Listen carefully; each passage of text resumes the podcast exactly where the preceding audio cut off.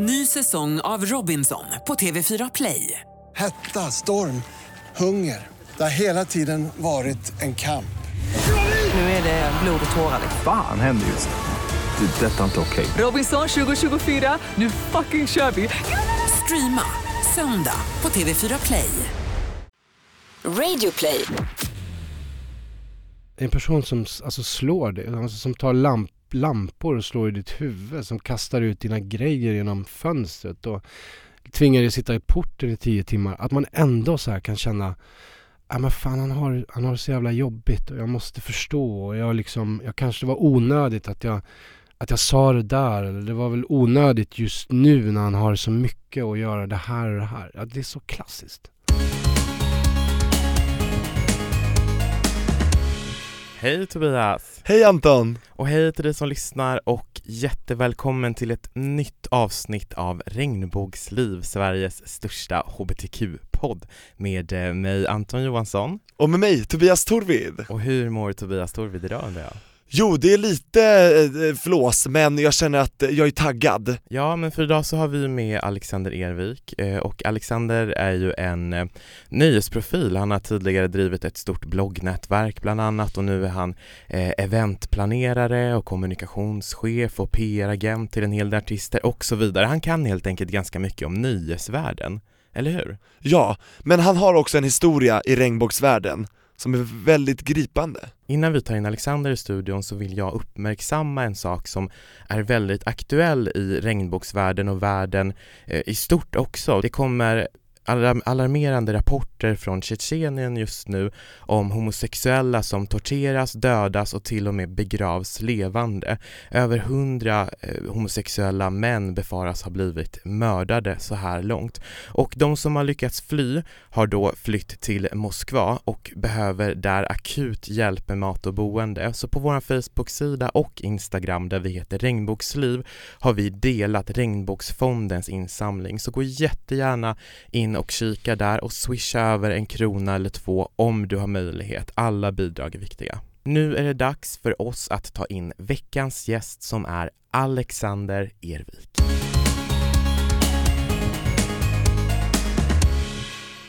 Hej Alexander! Hej! Hur är läget? Jag tycker det är så mysigt att vara här. Ja. Det är ett mysigt rum. Det är synd att man inte ser möblerna här inne. De är ju väldigt, eh, man förstår att det här är en HBTQ-podd. Mm. It's gay chosen. Ja, Och det är väldigt fint. Är det? Härligt trä. Vi har valt allt själv. Ja, regnbågsflagga och allt. Precis. Alexander, vad gör du egentligen en vanlig vecka? Ja, det standardsvaret är ju att det finns ingen vanlig vecka. Jag gör ju så väldigt mycket olika saker. Men kärnan är ju att jag jobbar ju med PR på olika sätt. Eh, Jag driver ju en eventbyrå och gör härliga PR-event som ni har gått på ibland. Man får göra skamlös reklam, Ervik Communication. Ja det får man göra. Och sen så jobbar jag med eh, management för Anna Bok Brukar de flesta känna till. Älskar. Och, och eh, Kristina Lindberg, countrysångerskan. Så att mycket av min tid går åt att jo- jobba med Anna och Kristina som har ett jättespännande projekt i, i år och framöver. Och idag så är du med oss dels för att prata om hbtq-frågor men också för att dela med dig utav någonting som hänt tidigare i, i ditt liv. Och du blev ju misshandlad utav din tidigare pojkvän. Mm. Det blev jag. På fler sätt än, än ett, ska jag säga. Både fysiskt och... Den fysiska misshandeln, den repar som man sig ifrån ganska, ganska snabbt. Det går ju över. Men den psykiska misshandeln, den, den präglar ju ens liv på ett helt annat sätt. Eh, och för mig har det ju präglat liksom hela mitt liv. Alla mina beslut, skulle jag vilja säga. Och många utav de saker som har varit liksom dåliga i mitt liv eller, eller inslag i mitt liv som jag, som jag inte har tyckt om. Många utav dem kom till under det här förhållandet. Och sen då hade jag enormt svårt att, att skaka av mig dem eh, i mitt liv utan honom. Det känns enormt viktigt att prata om. För jag är ju inte ensam om att eh, ha levt ett sånt här förhållande fast man är samkönade. Men man pratar väldigt mycket mindre om det. När började misshandeln? Eh, ganska snabbt inpå ska jag vilja säga. Det, det första, jag bodde ju hos honom i Stockholm. Jag ska, som en bakgrund då så kommer jag från Värmland. Jag var 19 år och eh, han bodde i Stockholm. Så jag flyttade ju upp hit eh, till honom. Så redan där så är man ju i en omedelbar beroendeställning. Och han var 10 år äldre också. Så de första två, tre månaderna var ganska mysiga måste jag säga. Ehm, och, och det här är ganska vanligt förekommande, att man upplever att man inte kunde ha sett det. Jag såg verkligen inte det. Och sen så um, efter en utekväll, där jag hade varit ute själv och jag skulle ha kommit hem, så klubben stängde tre och eh, jag kanske kom hem kvart i fyra. Sjukt att jag minns eh, de här detaljerna, men jag kom hem kvart i fyra och han tyckte att jag borde ha kommit hem halv fyra. Så han undrade vad jag hade gjort den här kvarten som jag var sen. Så att det var första gången jag fick eh, ett slag rakt över ansiktet och sen så kastade han ut mig i porten utan skor. Jag hade bara eh, byxor och t-shirt på mig. Och vägrade öppna. Jag kunde inte gå någonstans. Jag hade ingen telefon, ingenting. Och där fick jag sitta eh, tills eh, på morgonen klockan tio ungefär. Tills han ville öppna. Och grannarna gick förbi. Jag kunde inte gå utanför dörren så att jag eh, skämdes jättemycket. Och efter det så var Efter det så var det igång kan man säga. Då var den här uh, smekmånaden uh, över. Det var som att han hade öppnat ett, ett liksom, uh, en ventil hos sig själv. Så efter det så var det ju eh, kunde det hända när som helst egentligen. Och vad var det som hände då? Alltså när jag tittar tillbaka så, så förvånas jag över att jag inte ens funderade över att lämna honom. Det var liksom inte min, eh, det fanns inte min tankevärld. Ja, det finns ju en bakgrund också som han var väl medveten om. Jag växte upp med en eh, våldsam styvfar i många år. Och det här hade jag ju, jag är väldigt öppen som person, berättar ibland väldigt mycket om mig själv för människor och det är inte alltid bra. Därför att eh, det jag gjorde var ju också att jag berättade för honom om mina liksom ömma punkter. Så att jag, det blev som en förlängning utav min uppväxt kan man säga. Att, det, att jag fann det liksom naturligt. Att det var så här som det skulle se ut. Liksom. Så första veckan, jag minns inte vad jag gjorde. Jag tror jag hade ett blåmärke i ansiktet och jag kommer ihåg att jag jobbade på en restaurang. Ehm, och eh, jag kunde inte säga eh, på jobbet vad som hade hänt. Så att eh, de frågade och då sa jag att jag hade ramlat. Och det var ju väldigt mycket olycksfall, nu gör jag situationstecken i luften. Eh, olycksfall under, under den närmsta tiden. Och så det blev ju så att jag var den som var så klumpig på jobbet. För jag ramlade hela tiden. Men var det ingen som misstänkte någonting här i början? Jag jobbade hos en familj som var eh, syrianer och det, så det var svårt för mig att prata om att jag var gay överhuvudtaget. De visste det. Men det blev liksom som en um, dubbel skam på något sätt. Att dels skulle jag, ja, men jag ville inte prata för mycket om, om, om mitt förhållande. Så att jag kunde, han inte liksom riktigt någon att prata med ska jag vilja säga. Um, jag hade väldigt lite vänner. Han eh, såg ju till att jag blev ganska avskärmad från eh, umgänge. Eh, jag hade inte så mycket vänner. Jag hade en tjejkompis som hette Annika. Som visste om det här hela tiden. Hon tyckte att eh, Christer då var en sån trevlig och härlig person så hon kunde inte Jag vet inte, hon kunde inte riktigt ta in att han hade den här sidan också. Så hon eh, placerade sig neutralt och eh, liksom såg till att hon försökte vara lika bra vän med båda. Vilket jag efterhand kan, ja men kan, kan, kan nog inte förlåta henne för det tror jag. Den här misshandeln pågick ju inte bara fysiskt utan det var ju en psykisk misshandel också. Ja men exakt och det var, var väldigt många olika inslag utav tvång kan jag säga. Det här är ju, har jag aldrig berättat för någon, tror jag. jag har inte berättat det för speciellt många men um, jag eh, blev ju väckt också ganska många nätter av eh, den här killen eh, mitt i natten. Jag skulle upp och jobba klockan 10 och han väckte mig klockan 3 och han sa att vi skulle ta en promenad. Vi bodde på Kungsholmen och sen så drog han ner mig till um, uh, det fanns ett cruisingområde vid Stadshuset.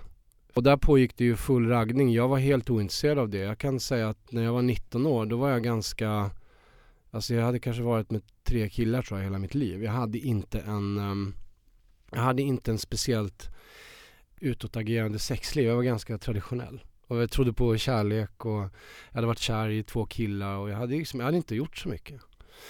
Och eh, han hade ett helt annat behov. Så att han väckte mig mitt i natten och ville gå ner dit för att han ville träffa män och ha sex med och jag fick stå och vänta. Eller, det var, han försökte få mig att, att vara med, vilket jag aldrig var. Men det var, det var mycket, jag kände mig liksom som en fånge kan man säga. Så det var dels att jag fick stryk emellanåt och sen så var det ju det här att jag drogs in i någon sorts uh, i någon sorts destruktivt beteende uh, som han inte ville göra själv. Och han tyckte det var bra att, att, jag, att jag fanns där. Jag var någon sorts trygghet och han kunde ändå leva ut liksom, sina begär. Så att, eh, och det blev jag väldigt skruvad av. I, i många, många år efter det. Jag, kan fatta det, vad sjukt! Och du, där står du runt hörnet och så vet du vad han håller på med, men du intalar dig själv att det här är helt okej ändå jag vet inte vad jag tänkte. Jag, jag, jag vågade inte säga ifrån. Idag hade jag ju aldrig accepterat det. det alltså jag nu och när jag var 19 är ju, det går inte ens att, att förklara. Det är astronomiska skillnader. Men då, jag var så svag och jag visste inte liksom, jag gick med på allt egentligen. För du sa ju också att han, han, du blev avskärmad på flera sätt och du nämnde det att du inte fick ha kontakt med vänner, var det så att han höll koll på din telefon? Absolut.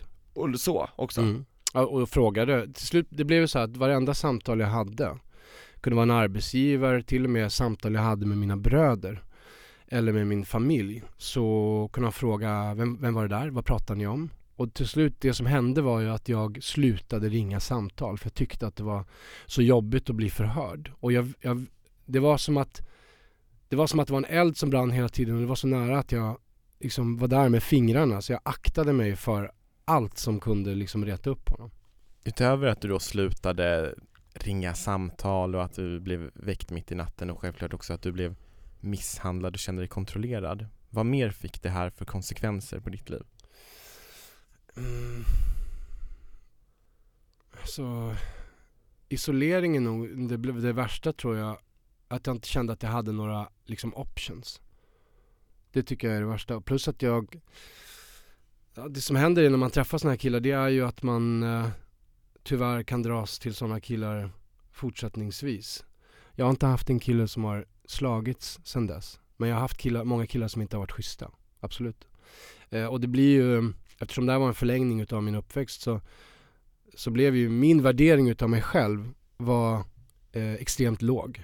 När jag gick in i en ny relation då var, då visste jag inte riktigt, jag hade inga kriterier egentligen eh, som man ska ha. Eh, och, inget, eh, och inte något större mod att säga ifrån heller. Så jag skulle säga att det är ju på, man kan inte skylla på att man varit med om en sån här relation.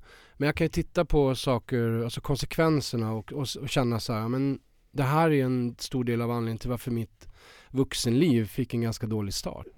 Visst ringde du polisen också? Mm, några gånger. Några gånger? Tre, tre gånger tror jag de kom. Och berätta gärna, vad, vad, vad händer då när de kommer liksom? Den värsta var väl, eh, och det var ju mot slutet, det var när vi bodde i Märsta. Då hade han precis tvingat mig. Ja, det låter som att jag är ett, liksom ett offer, men så var det verkligen. Jag gick med på allt. Tvingat mig att flytta ut till Märsta och eh, hyra ett radhus Eh, tillsammans. Um, jag vill inte bo där, men, men det var ett sätt också att avskärma mig från stan, avskärma mig från vänner. Uh, hans, hans släkt bodde i samma radhus länge. Och um, en natt så, ut, bråken blev ju värre och värre, värre och värre och värre. Och den här gången så så dunkade han mitt huvud genom en glasruta. Jag hade som en sån här ytterdörr med små, små glasrutor. Eh, mitt huvud gick igenom, jag skar mig lite i pannan. Då ringde jag polisen. Um, polisen kom, det var två killar. Och um, de nästan så här skrattade, inte rakt ut. Men de var liksom hånfulla. Och tyckte att vi var liksom två tjejer som skulle sluta tjafsa. Och uh, jag ville ju att de skulle ta honom. Det, det var ju därför jag ringde polisen. Han hade ju misshandlat mig. Jag blödde ju från huvudet. Han blödde ju uppenbarligen inte. Eh, polisen tyckte att jag skulle ta en promenad eller hitta en kompis och sova hos. Jag kunde inte få in i mitt huvud. Jag har blivit misshandlad. Jag står också på den här lägenheten. Varför är det jag som ska hitta en kompis och sova hos? Eh, och då den natten, då, då, de, de drog ju sen. Den natten så tog jag en promenad och sen så gick jag tillbaka, då hade han somnat. Och så la jag mig på soffan. Och det här var ju ganska, ganska vanligt återkommande. Att jag lämnade och sen så lugnade han ner sig. Uh, och sen kanske i bästa fall hade jag någon dag som var lugnt liksom. Utöver det här samtalet till polisen då som du gjorde, hade du några andra kontakter med polis eller sjukvård eller någonting kopplat till det här? Alltså jag, jag önskar att jag hade vetat jag är ganska välinformerad. Jag, jag, jag, och, och, och ganska upplyst. Så att jag visste att det fanns hjälp för kvinnor som blir slagna av sina män. För det, den informationen fanns ju överallt. Men jag vet, Kvinnojourer och sådär. kvinnojourer. Och men jag vet ärligt talat inte vart jag hade kunnat vänt mig. Jag har ingen aning. Det, och jag kan verkligen förstå när människor säger jag hade ingen aning om att det här och det här fanns. Jag hade ingen aning. Jag blev så avskärmad också så att jag, jag menar jag pratade ju inte om det här med speciellt många. Och min omgivning var ju inte, var inte, eh, brydde sig inte jättemycket. Om jag ska vara ärlig. Och slutade du ringa polisen till slut för du kände att det här hjälper ju inte? Ja, de sista, eh, de sista, den sista gången det här med glasrutan, då eh, kort tid efter det, då, då rymde jag ju därifrån. Eller rymde, men, men jag eh, hade en kompis som, sa till, som jag jobbade med, som sa så att eh, du kan, inte, du kan inte leva på det här sättet. Hon hade en kille som var ganska stor och stark, en bodybuilder. Så hon sa, vi kommer att hämta dig eh, klockan 11 den här dagen, packa dina väskor. Och han gick och knackade på dörren och Christer öppnade och han är egentligen en ganska feg person. Um, egentligen. Eller var en ganska feg person. Och han sa inte ett knyst. Så jag tog eh, två väskor som jag hade packat med kläder och med eh, toalettartiklar. Eh, och sen drog jag. Och han gjorde inget motstånd? Inget motstånd. Han vågade inte göra det just då. Men jag hade inte vågat göra det själv tror jag. Jag behövde liksom en person som sa att nu räcker det. Du, kan, du är blåslagen, du kan inte se ut på det här sättet. Det, det, man, man ska inte behöva leva, leva så här. Liksom. Var det Ja. sista gången du träffade Nej, tyvärr inte. efter att du hade eh, lyckats ta dig ur eh, förhållandet? Mm. Hade ni någon fortsatt kontakt? Alltså jag visste ju att jag inte ville ha någon kontakt. Jag hade ju gjort slut innan jag lyckades bryta mig loss. Så hade jag ju försökt göra slut massa gånger och innan vi flyttade till Märsta ska jag säga så hade jag gjort slut och skulle flytta ifrån honom. Och på något sätt så lyckades han ändå övertyga mig om att jag skulle flytta med honom ut och signa på det där radhuset tillsammans. Och det här minns jag så väl. Jag förstår inte hur jag kunde, hur jag kunde göra det. Men hur gjorde du slut då? Vad sa du? Eller, Ja, men jag, ibland så tog han just det att jag gjorde slut, tog han samlat. Och jag tror att han, sen retirerade han och så visade han upp fina sidor och så fick han mig att tro att han skulle förändras. Ni vet, det här är så klassiskt. Eh, och jag köpte det, rakt av. Och det kändes bra. Och det kändes som att så här, det kommer bli skillnad. Och det, det, han har mycket jobbigt i sitt liv. Och om jag bara gör så här och så här så kommer, eh, så, så är det lugnt. Liksom.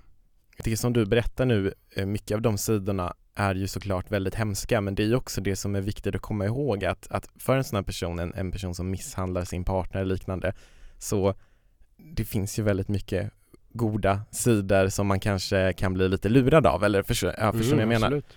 Ja exakt, jag, jag bara tänker på hur många kvinnor som har suttit så här och bara känt exakt samma sak. Det, och jag vet exakt, alltså man kan En person som alltså slår dig, alltså som tar lamp, lampor och slår i ditt huvud, som kastar ut dina grejer genom fönstret och tvingar dig sitta i porten i tio timmar. Att man ändå så här kan känna Ja men fan han har, han har det så jävla jobbigt och jag måste förstå och jag liksom, jag kanske det var onödigt att jag att jag sa det där eller det var väl onödigt just nu när han har så mycket att göra det här och det här. Ja, det är så klassiskt. ja. Fick han dig känna att du förtjänade det? Ja, absolut. Att jag, jag, för jag, jag analyserade ju allting. Ja men visst, han, han blev våldsam och han slogs. Men jag menar, det kanske var onödigt att skämta om, jag är extremt liberal idag. Om jag har, ska ha en relation, då ska man få prata om vilka erfarenheter man vill. Man kan berätta, man kan ha haft tusen killar före mig. För jag vill lära känna någon eh, autentiskt. Jag vill känna personen som den är. Inte att man ska behöva sitta i en relation och välja.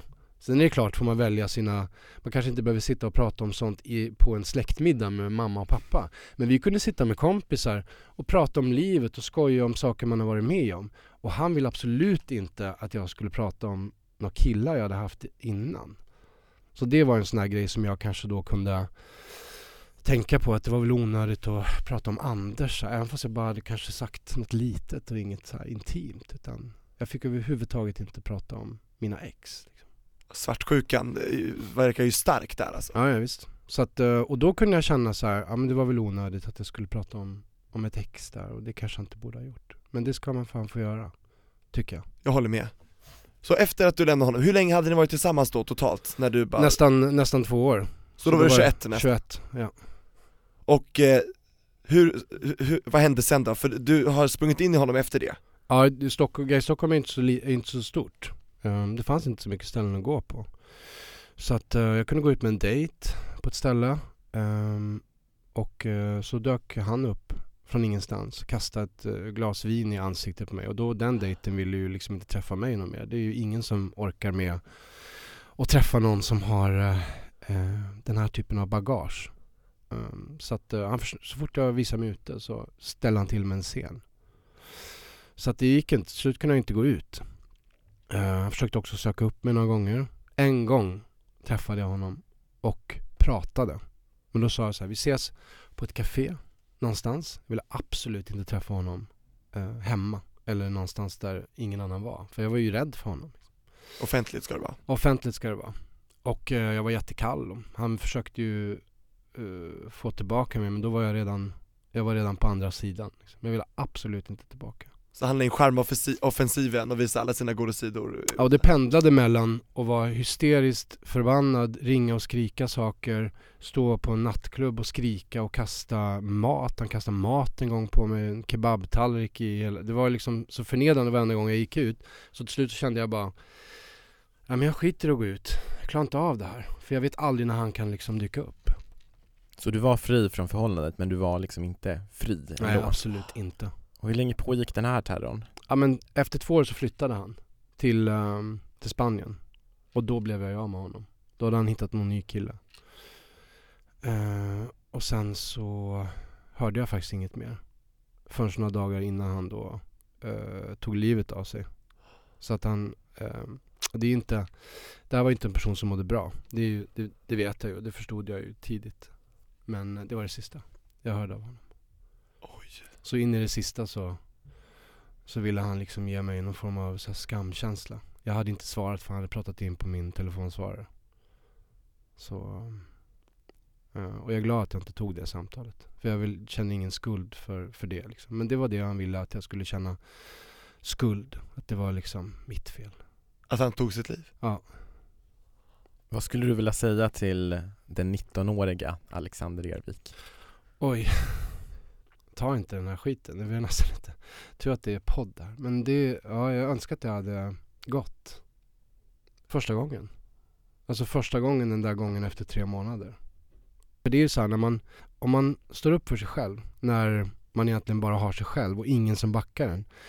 Det som man glömmer bort det är att eh, man bygger en enorm tillit till sig själv. Eh, och, och det är det som är framförallt ett stort värde i. Att eh, säga till sig själv, det här ska jag inte ta. Spelar ingen roll om, om jag har noll uppbackning. Men det här ska ingen ta. Så jag borde ha gått. Och jag tror att mitt liv hade sett eh, annorlunda ut då faktiskt.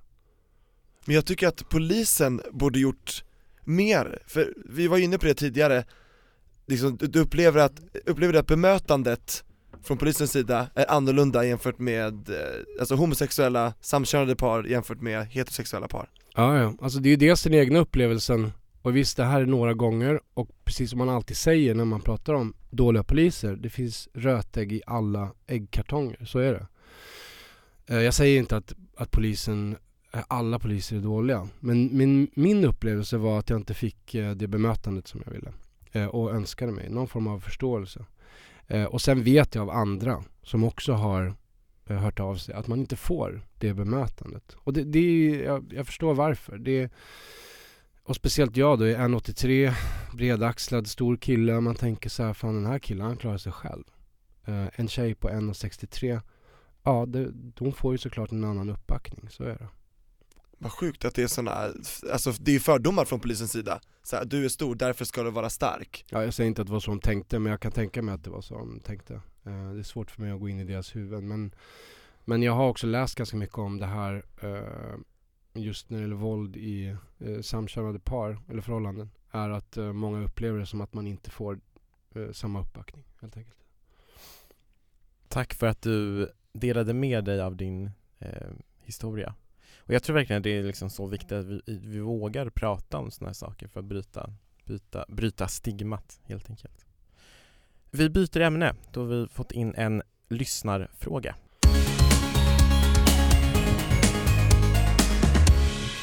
Hej Regnbågsliv!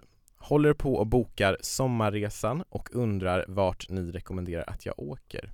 Vill festa och träffa härliga människor, gärna HBTQ. Tack för en bra podd. Kram Oskar.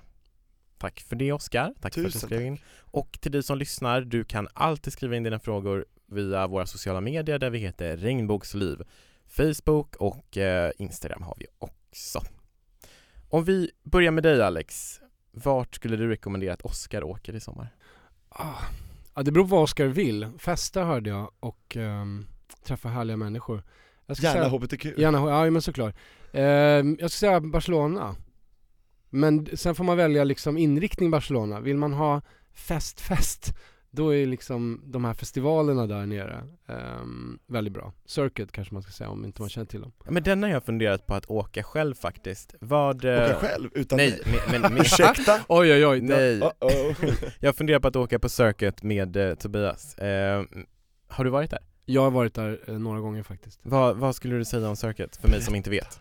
Oj, nu ska jag bli jätteseriösa, men jag ska säga så här att om man ska åka till Circus, då, circuit, då ska man, eh, man ska ta det för vad det är. Uh, om du vill träffa kärleken, åk inte till Circuit. It's not gonna happen. Men sen kan man åka till Barcelona och välja den andra vägen. För eh, Barcelona har ju också ett HBTQ-liv som inte är Circuit. Det får man inte glömma. Så att antingen åker man dit och går på Circuit och gör hela den resan, eller så åker man dit och så gör man allt annat utom Circuit. Och där kan man träffa mycket härliga människor. Så att det är olika saker. Gillar man att dansa circuit, gillar man att prata, någonting annat.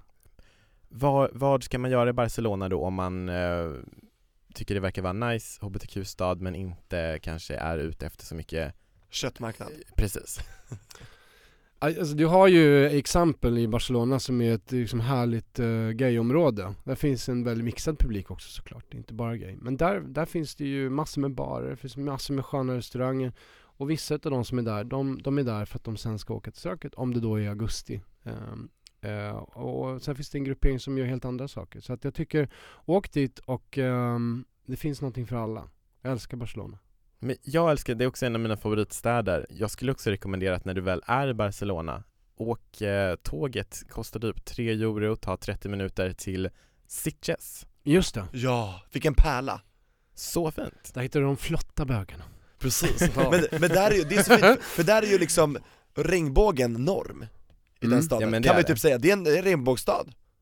Och det fina med Sitges är att du, du kan liksom göra Sitges på några timmar. Alltså från liksom ena sidan till den andra. Så Inte så stor stad. pittoreskt och ehm, mycket barer. Små men inte så jättemycket stora fester. Så ja, jag älskar Sitges faktiskt. Men fullt av gays. Och jätte... Gays everywhere. Yes. Får jag flagga för ett resmål till? Ja, Jag, jag är inget big fan av USA kan jag säga. Mhm. Men San Francisco. My god. Har man inte varit i San Francisco så kommer man bli, man kommer bli amazed av liksom eh, publiken. De är så jäkla härliga och det känns inte som att man är i USA. Folk är extremt uh, vänliga och man, där träffar man verkligen människor man kan ha kontakt med resten av livet. mm. Låter som Amerikas Sitges, är det det? Ja det är som en egen, alla säger det som har varit i San Francisco och i LA och andra eh, liksom, gaystäder i USA är att San Francisco står ut för sig själva. Det är något unikt. Jag har också hört det men jag har aldrig varit där. Alltså jag var där typ för hundra år sedan, men då var jag ju liksom inte upplyst. Plus att, det- kli- plus att klimatet är nice. Det är kallt, lite kallt och lite varmt, inte för varmt och inte för kallt. För det är halvvägs upp i Kalifornien va, typ? Det är mitt i typ Ja exakt, de har mycket dimma.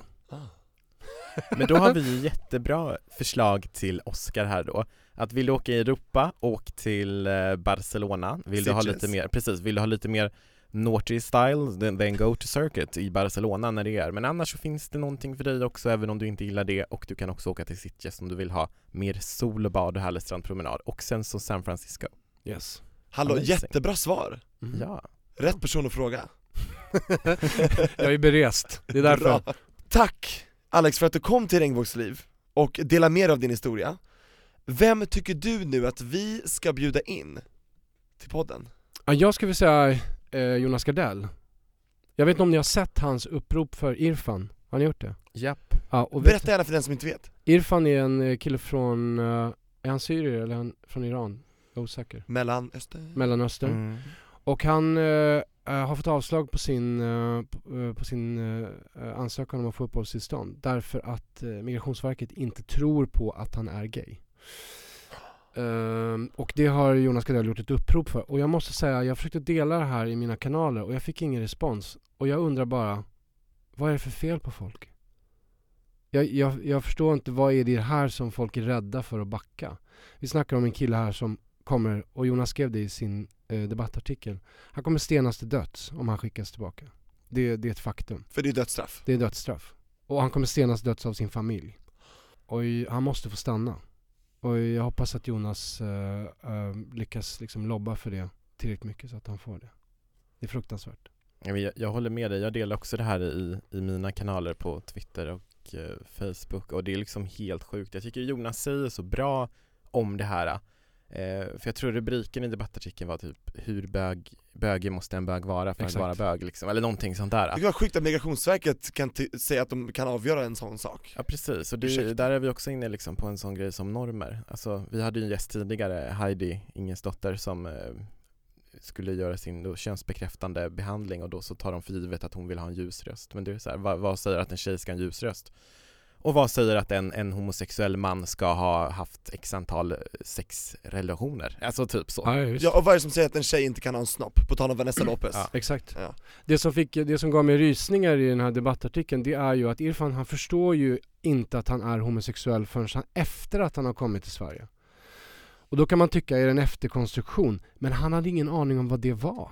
Han vet inte, visste inte vad det var att vara homosexuell. Han kom till Sverige, insåg att oj, jag är homosexuell. Ja, vi hade inget namn på det förut. Och då säger Migrationsverket, det här har du ju kommit på i efterhand. Alexander, var hittar man dig om man är mer nyfiken? Man kan gå in på min, eh, på min Instagram, Alexander Ervik med W. Eh, och min Facebook. Det, det mesta jag lägger ut är öppet för alla att se. Alexander Ervik. Vän finns, finns eller bara ej? en. Vän eller ej, det tycker jag. jag ja, precis. Jag bjuder gärna. Ja. Jag gillar det, the one and only, Alexander Ervik. Ja, tusen tack för att du eh, kom och besökte oss i Regnbågsliv idag Alexander Ervik. Tack. Och eh, till dig som lyssnar så vill jag påminna om att du lyssnar bäst på våran podd i appen Radio Play. Och apropå Radio Play så tänkte jag tipsa om en poddkompis som vi har på Radio Play som heter Cancersnack. Och eh, i den podden så får vi höra programledarna Emma och Lotta prata om cancer. Och cancer är ju en sjukdom som någon gång kommer drabba alla på något vis. Lotta är drabbad som närstående och Emma är drabbad som sjuk. Och vi måste våga prata om cancer så som det är och i podden Cancersnack så pratar Emma och Lotta öppet och ärligt om detta svåra ämne. Och de delger oss sina historier såväl som andras. Så in och lyssna, nytt avsnitt kommer varje torsdag på Radio Play. Tack för den här veckan.